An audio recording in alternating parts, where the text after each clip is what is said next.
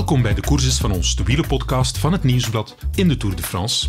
Een simpel boerke uit België heeft zich in de majestueuze Deense hoofdstad Kopenhagen tot gele koning gekroond. Om het met de woorden van Wout van Aert in de hot seat te zeggen, amai. Het was een toerdag vol plotwendingen, regen, drama. Wout van Aert die eindelijk wereldkampioen Filippo Ganna kon kloppen in een tijdrit, maar zowaar nog vijf seconden werd voorbijgesneld door een landgenoot die niemand had getipt. Yves Lampaard. Een boerke uit West-Vlaanderen, maar eentje dat verdomd hard kan stoempen. Yves, patroonheilige van alle Vlaamse boeren, het woord is aan jou.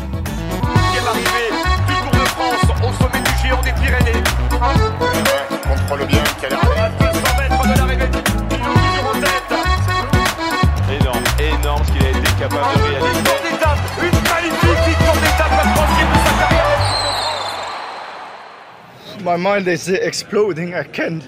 I, I I came with the expectation that top ten would be be great. Now I beat all the best riders in the world, and it's I'm just a farm son from uh, Belgium. Eh? To do this, I never expected. Ik heb deze bijzondere dag van op de eerste rij kunnen volgen en daar neem ik jullie graag mee naartoe. De bussen van Quickstep Alpha Vinyl en Jumbo-Visma stonden zij aan zij geparkeerd en daar stond ik met mijn microfoon midden tussenin. Ik werd van links naar rechts heen en weer geslingerd, van vreugde naar teleurstelling, van hoop naar vrees. De euforie verplaatste zich van de ene bus naar de andere. De dag begon zo, iets na drie uur. Toen het duidelijk werd dat alle weermodellen het mis hadden en de regen vroeger dan verwacht uit de grijze lucht boven Kopenhagen viel, dacht ik: ik ga eens horen bij Tom Steels wat dat precies betekent voor zo'n minutieus voorbereide tijdrit. U moet weten, Tom Steels, ploegleider bij Quickstep Alpha Vinyl, die is de grote vertrouwensman van Yves Lampaard. Hij is de man die hem in alle tijdritten vanuit de volgauto bijstaat. Maar natuurlijk kon ik op dat moment niet vermoeden dat ik Tom Steels later die dag nog zou spreken. En in wat voor omstandigheden natuurlijk. We gaan even luisteren naar wat Tom Steels vooraf te vertellen had over de impact van de regen. Tom, we zijn minder dan een uur voor de start van eh, de tijdrit en het is al nat. Dat was niet voorzien, hè? Nee, dat was niet voorzien. Eh, normaal gezien ging het pas regenen rond 6 uur. Nu is het al aan het regenen, wat natuurlijk wel een, uh, een hemelsbreed verschil is. Dan kan je alleen maar hopen dat voor iedereen gelijk is. Dan krijg je terug een, een, een, een tijdrit dat, dat naar waarde kan geschat worden. als het overgaat naar het begin of naar het einde toe, dan is het natuurlijk wel een beetje een loterij wat dat, wie dat de winnaar gaat zijn. Maar oké, okay, ik denk dat dat, uh, dat is ook een beetje een eigen aan tijdritten natuurlijk. Hè. Maar het is, het, is, het is geen tijdrit waar dat uh, regen of, of, uh, of droog weer geen groot verschil maakt. Hier gaat het echt wel een groot verschil maken. Omwille van de vele bochten? Omwille van de vele bochten, maar vooral de meeste bochten zijn echt wel een hoge snelheid. Um, en als het regent natuurlijk niet. Dan kan vlucht toch in sommige bochten toch 10 per uur schillen. Dat is toch wel, dat is toch wel vrij veel. Schat dat eens in. Hoe nat is het nu? Wat, wat is de impact? Want het kan misschien nog meer regenen dan en, en dan nog natter worden. Of is dit al, dit al voldoende om tractie te verliezen? Ja, dit is, uh, nu, ligt, nu liggen de wegen echt wel al, al nat. En dat is genoeg om, uh, om zeker één of twee keer te beginnen schuiven. En dan, eens, als je ene keer een bocht uh, geschoven hebt, ja, dan is vertrouwen weg. Hè. Dan, dan ga je nog trager. Maar als het nog zou regenen, nog natter wordt, dan kan het nog meer een nadeel zijn, toch? Ja, maar dat, dat maakt uiteraard een verschil uit. Uh, maar naar rijden toe, ja, nat is nat. Uh, een beetje nat of, of, volledig nat, dat maakt natuurlijk ook wel een verschil uit. Maar daar dat kunnen bijna geen bochten niet meer voluit gaan en dat, dat scheelt toch. In kilometers per uur scheelt dat wel veel. Ik zie hier mechaniciëns rondlopen, sleutelen, wielen. Wat verander je?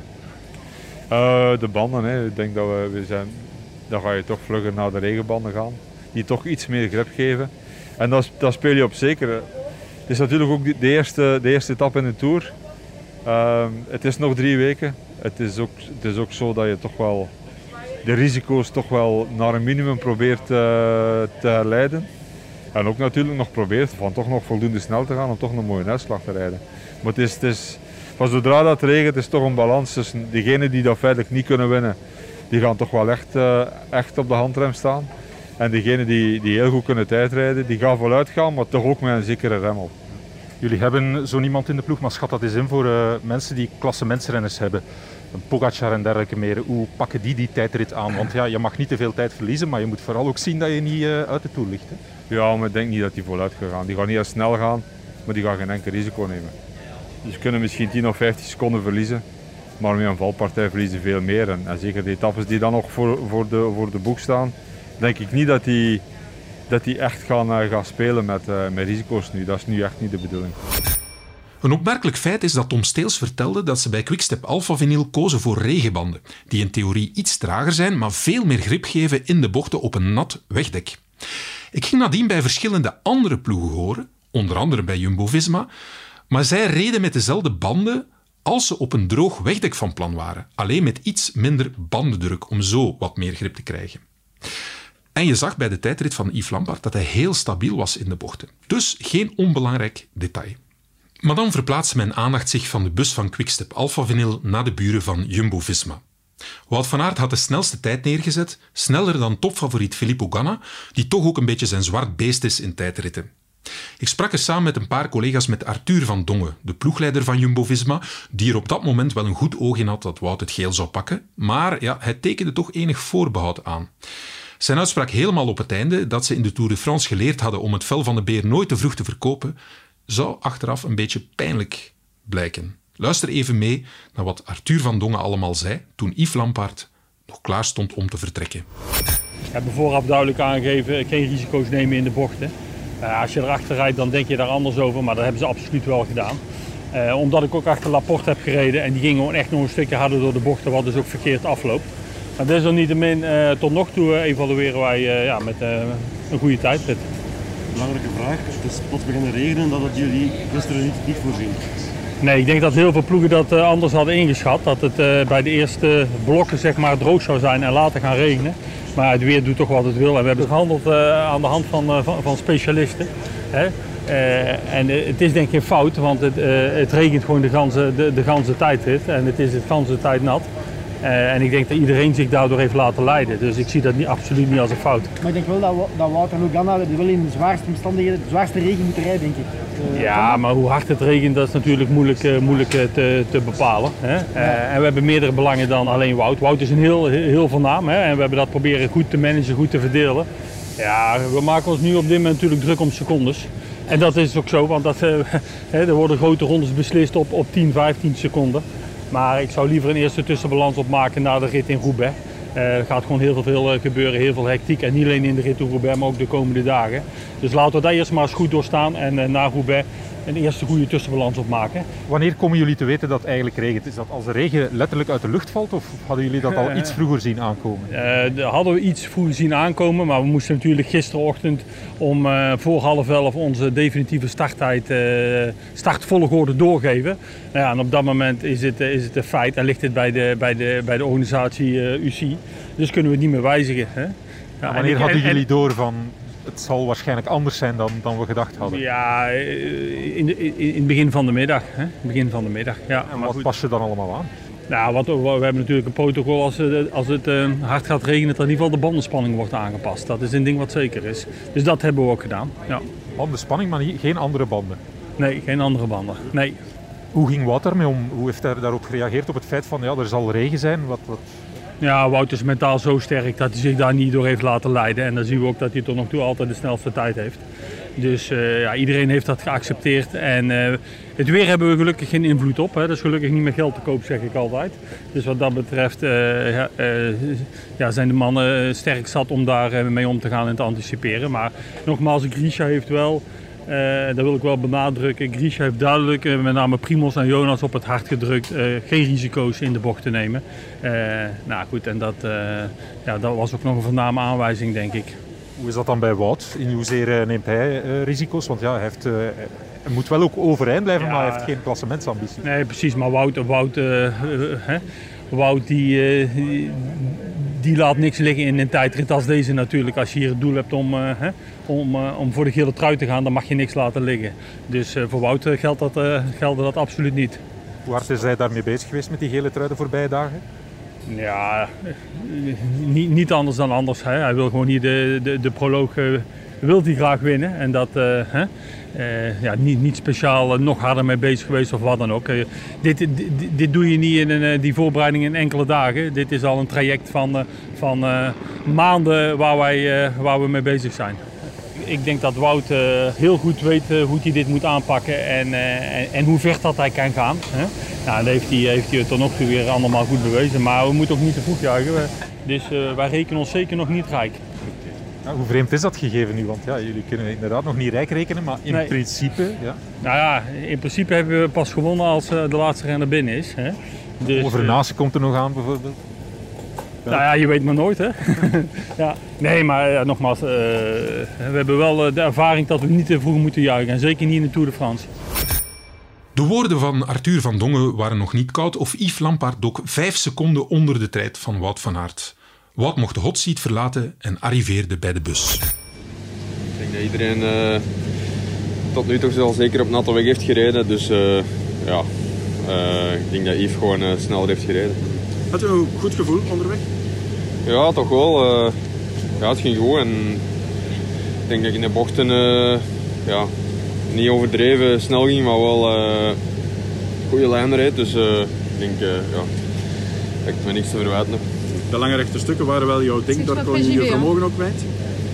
Ik had toch dat gevoel, ja, het, ging, eh, het ging vooruit en ook eh, ja, voorlopig in de, denk de tweede tijd. Dus eh bewijst ook dat, eh, dat ik snel, snel gereden heb. Jij komt binnen, je hebt dan de snelste tijd natuurlijk. Dacht je dan van het gaat niet genoeg zijn? Mathieu dacht dat wel toen hij binnenkwam. Eh, ik dacht eigenlijk niks. Ik wist eh, eigenlijk, om eerlijk te zijn, dacht ik dat Yves een beetje de laatste specialist was op papier. Hè, maar eh, ik wou gewoon al afwachten tot iedereen gereden had. Dus eh, ik keek al zeker uit naar zijn tijd en eh, dat was eh, blijkbaar met, met rechte reden. Dus eh, ja, eh chapeau. Maar het is wel gestopt met regenen toen die renners naar jou zijn komen rijden. Ik zeg het, het is nu inderdaad droog, maar ik denk dat de weg gewoon altijd nat heeft geweest. En, eh, ja, eh, ik ben sowieso geen fan om achteraf eh, dat soort dingen in te roepen. Ja, nou is de gele trui een droom. Hè? En die droom is natuurlijk nog niet over, want je staat er gewoon goed voor met de dagen die ook komen. Hè? Heb je zo ook al gedacht? Ja, natuurlijk zal het belangrijk zijn om snel om te schakelen, maar eh, vandaag was ik natuurlijk wel echt op die tijdrit gefocust. En eh, ja, eh, eerst even bezinnen en morgen gaan we natuurlijk opnieuw voor. En eh, uiteraard eh, wist ik ook al op voorhand van de tijdrit dat ik, eh, als ik niet te ver achter was, dat er nog kansen komen deze week. Maar dat, dat zullen we dan zien. En dan neem ik jullie terug mee naar de bus van Quickstep Alpha Vinyl, naar Tom Steels. Ik sprak nog met twee woorden, maar wilde hem uiteraard spreken over de knappe tijd van Yves Lampaard, die mogelijk geel zou opleveren. Ja, Tom, we spraken elkaar vanmiddag. Hè. Toen ging het over de weersomstandigheden. Hebben die weersomstandigheden, de veranderende weersomstandigheden meegespeeld dat, eh, dat Yves zo'n knappe tijd neergezet heeft? Naast het feit dat hij natuurlijk fantastisch gereden heeft.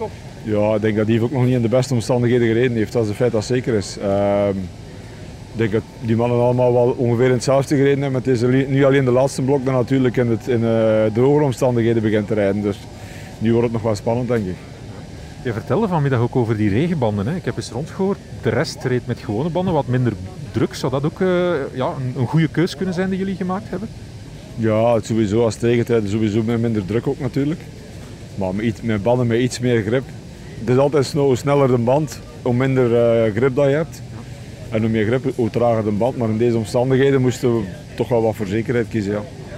Geloofden jullie erin dat, dat Yves dit kon neerzetten? Want zelfs Wout zei het ook van ja, ik hield wel ergens rekening met ja, Yves komt nog, dat is een goede tijdrijder. Zeker die korte afstanden. Ja, ik denk op dit niveau al de rekening met top 10. Ehm, maar voor, voor die mannen te kloppen, dat is nog, een andere, dat is nog iets anders natuurlijk. Dus ja, Yves heeft nog wel uitzonderlijke goede dagen gehad, maar eh, vandaag liet hem echt wel op. Ja. En ook, ook technisch heel goed. Hij heeft risico's genomen in de bochten, maar toch weer, niet, toch weer geen risico dat je denkt, hij gaat erover. En dat was wel cruciaal vandaag, zeker in de bochten van, eh, ja, van, van juist op de grens te, willen zitten, maar ook het vertrouwen hebben dat je kon draaien ook. Ja. Had hij voorhand ook echt een plan? Was hij daarmee bezig om die, die tijdrit hier echt zelfs misschien een gooi te doen naar? Ja, hij is altijd met tijd, zeker over de- deze afstand is hij altijd bezig. Eh, hij leert de parcours van buiten, hij kan het, kan het bijna volledig, zelfs zonder auto, zodat hij, eh, zou hij een goede tijd gereden hebben. Hij kent het parcours van buiten, zoals ook, op- ook op de dat hij goed gereden heeft. Eh, tegen tegen eh, Remco verliest hem ook eh, 30 seconden, maar Remco is ook wereldtop. Dus ehm, ja, nee, Yves is, eh, is momenteel wel ja, toch zeker een van de betere tijdrijders ook. Heb je achter hem gereden? Ja, ja. Hoe is dat? Ja, hou je dat toch een beetje zo, zo de adem in op sommige momenten? Of hoe, hoe voelde het? Hoe zag het eruit? Ja, het zag er goed uit. Ik had nooit niet de indruk dat hij echt over zijn toeren ging. Ehm, Maar ik doe al Yves sinds dat hij bij de ploeg is, bijna iedere tijd heeft dat wel samen gedaan. Dus ik ken hem nu al vrij goed. Ehm, je zegt dat het goed was? En we zagen wel dat het goed was, ja. Dus uh, dan, dan, is dat wel leuk. Hey, nu ik zei het, we moeten nog afwachten. Uh, er moeten nog een paar renners binnenkomen, maar sowieso is het een, goede, een, een toptijd geweest. Nu gaan we afwachten wat de rest doet. Hè. Kom, we duimen samen met jou. Ja, merci. Steels is de rust zelf, maar zijn compagnon Wilfried Fitte Peters is een iets nerveuzer en emotionele type. Hij liep de ijsberen, de lijsten te overlopen, naar wie er allemaal nog in actie moest komen en vreesde vooral Tom Pitcock. Vooral omdat het wegdek nu echt aan het opdrogen was. De weg is aan het opdrogen momenteel, maar dat is het enige wel. Maar ja, ze hebben de, de favorieten hebben ze halverwege gezet. Hè. Nerveus? Ja, natuurlijk. Het gaat over geel, hè? het gaat over veel. Hè? Ja, zeker en vast. Als je ziet Pitcock, Pollet, Pittiol. En dan kwam de ongelooflijke ontlading. Geel voor Yves Lampaard. Hij kon het zelf niet geloven, niemand had het voorspeld. Tranen bij het boerke uit West-Vlaanderen, maar ook vochtige ogen bij Tom Steels. En zoals je kan horen, een schor geschreeuwde keel. Wat een sprookje. Tom Geel. Ja, het is ongelooflijk. Het is echt ongelooflijk. Uh, ja, chapeau. Hè. Echt knap. De manier waarop hij dat gedaan heeft. Uh, de wereldtop kloppen in de Ronde van Frankrijk, geel dragen. Ik denk dat dat voor hem wel... Uh, maar voor de ploeg is een, uh, toch wel een vrij emotioneel moment, ja. ja. Hoezeer gun je het Yves? Want ja, hij heeft ook veel pech gehad dit seizoen. we denken aan Parijs-Roubaix bijvoorbeeld.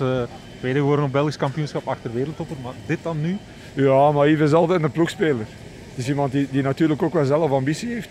Maar vooral, je kan er altijd op rekenen voor de ploeg ook. En als hij dan kan winnen, dan is dat super. Hè. Ik bedoel, hij heeft natuurlijk ook wel een hele goede tijdrijder. We niet voor niks de tijd in de Ronde van België.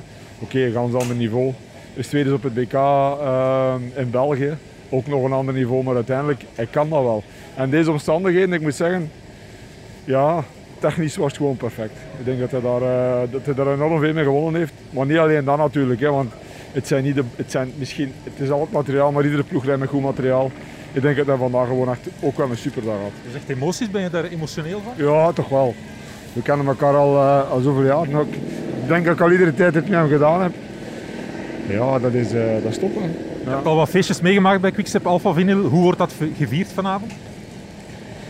Ja, rustig toch wel. Hey, we staan in het begin van de Tour, ja. maar we gaan er wel van genieten, dat is feit, dat zeker is. Ja. Jouw stem is een beetje weg. Is dat uh, de gevolgen van tijdrit als ploegleider? Ja, ja, dat, is, dat is inderdaad wel... Uh, ja, dat is roepen en brullen in de auto ook. Hè. Ja. In, die, in die microfoon, in die uh, speaker? Ja, ja, ja, ja, dat is meeleven. Hè. Ik bedoel, zeker als je voelt dat, dat je daar dichtbij zit, dan, is het, dan probeer je er alles aan te doen om om hem, om hem vol te laten blijven gaan. Ik denk dat iemand is die vlug, soms al eens vlug denkt van uh, ben ik goed bezig. Uh, die dat soms al eens de neiging heeft van soms al eens aan zichzelf te beginnen twijfelen. Uh, maar vandaag was dat voor niks nodig ook. Geniet ervan. Dank u wel. Zie je. Uw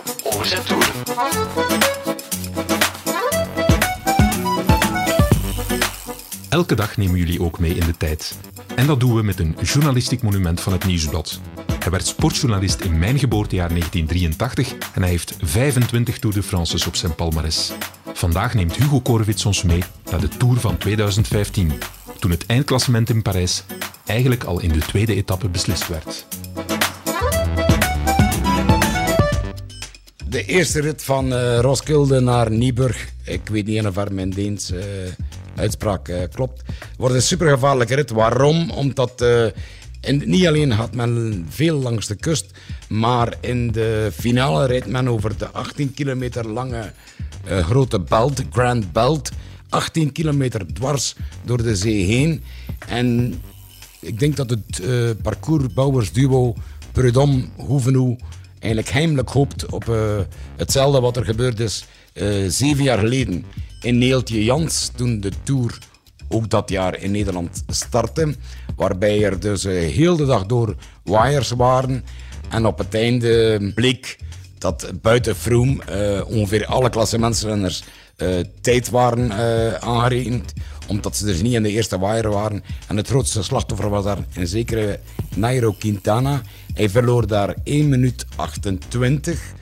En als je kijkt naar de afrekening in Parijs, dan uh, volgde hij op uh, 1 minuut 12 seconden van uh, Chris Froome. Met andere woorden, Chris Froome won de Tour en Neeltje Jans op de tweede dag. En daar verloor Quintana de Tour.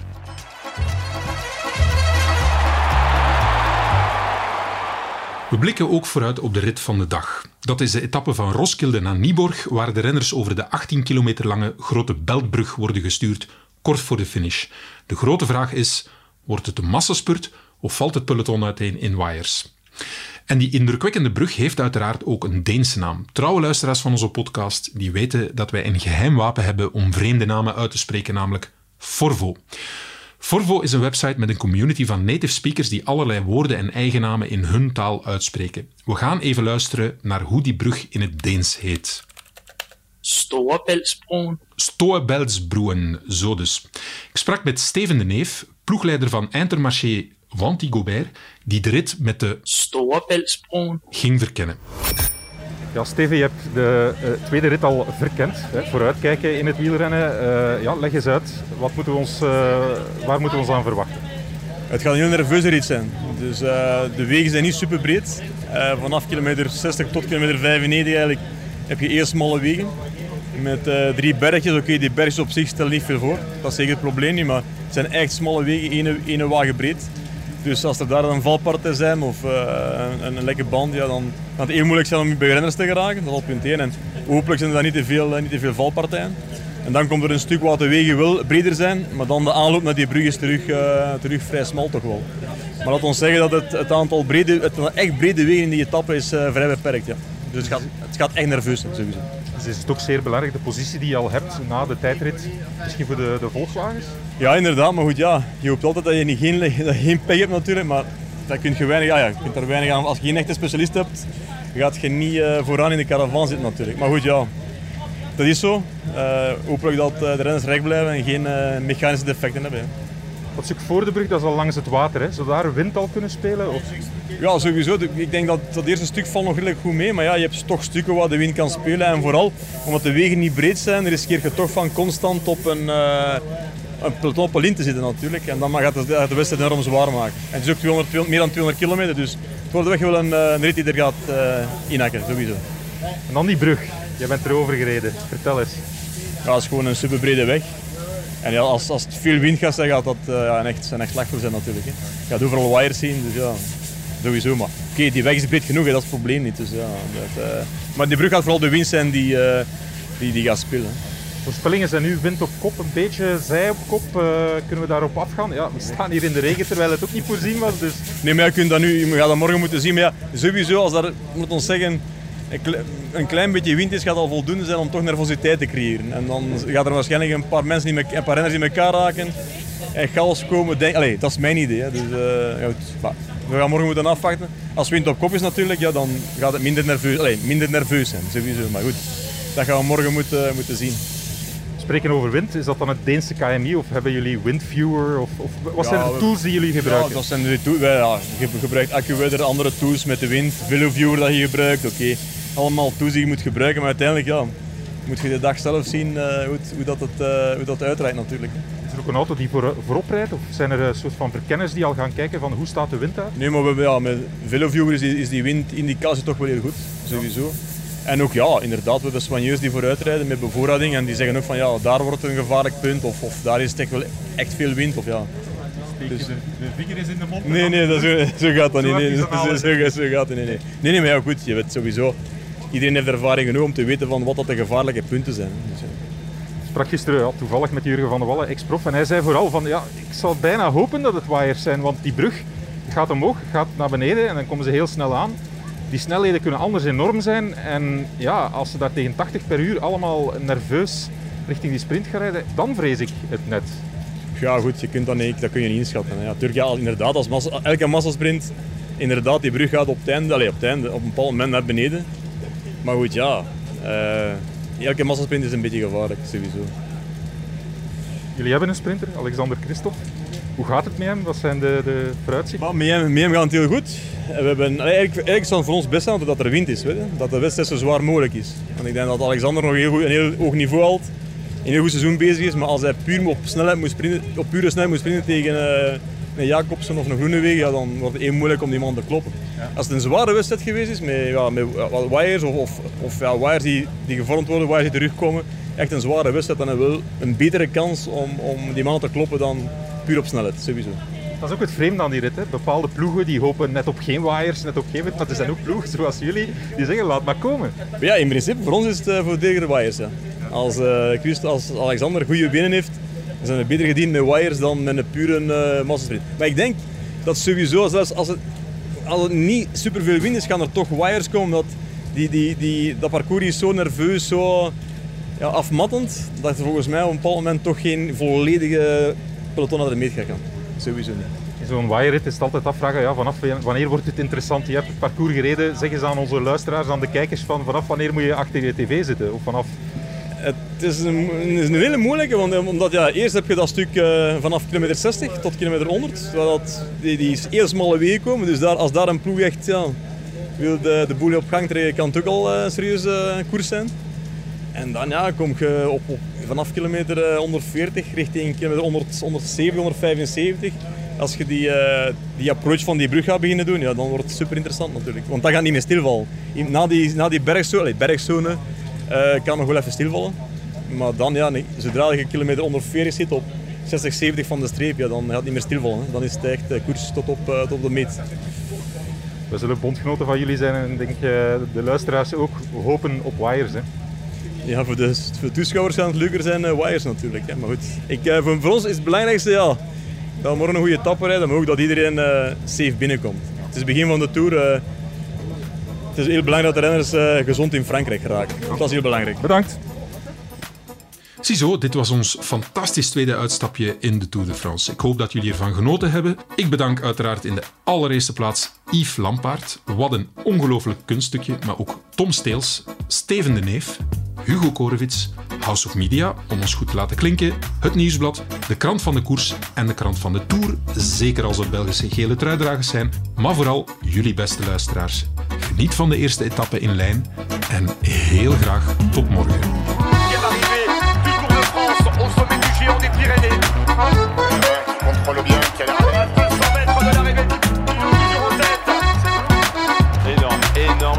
capable de réaliser.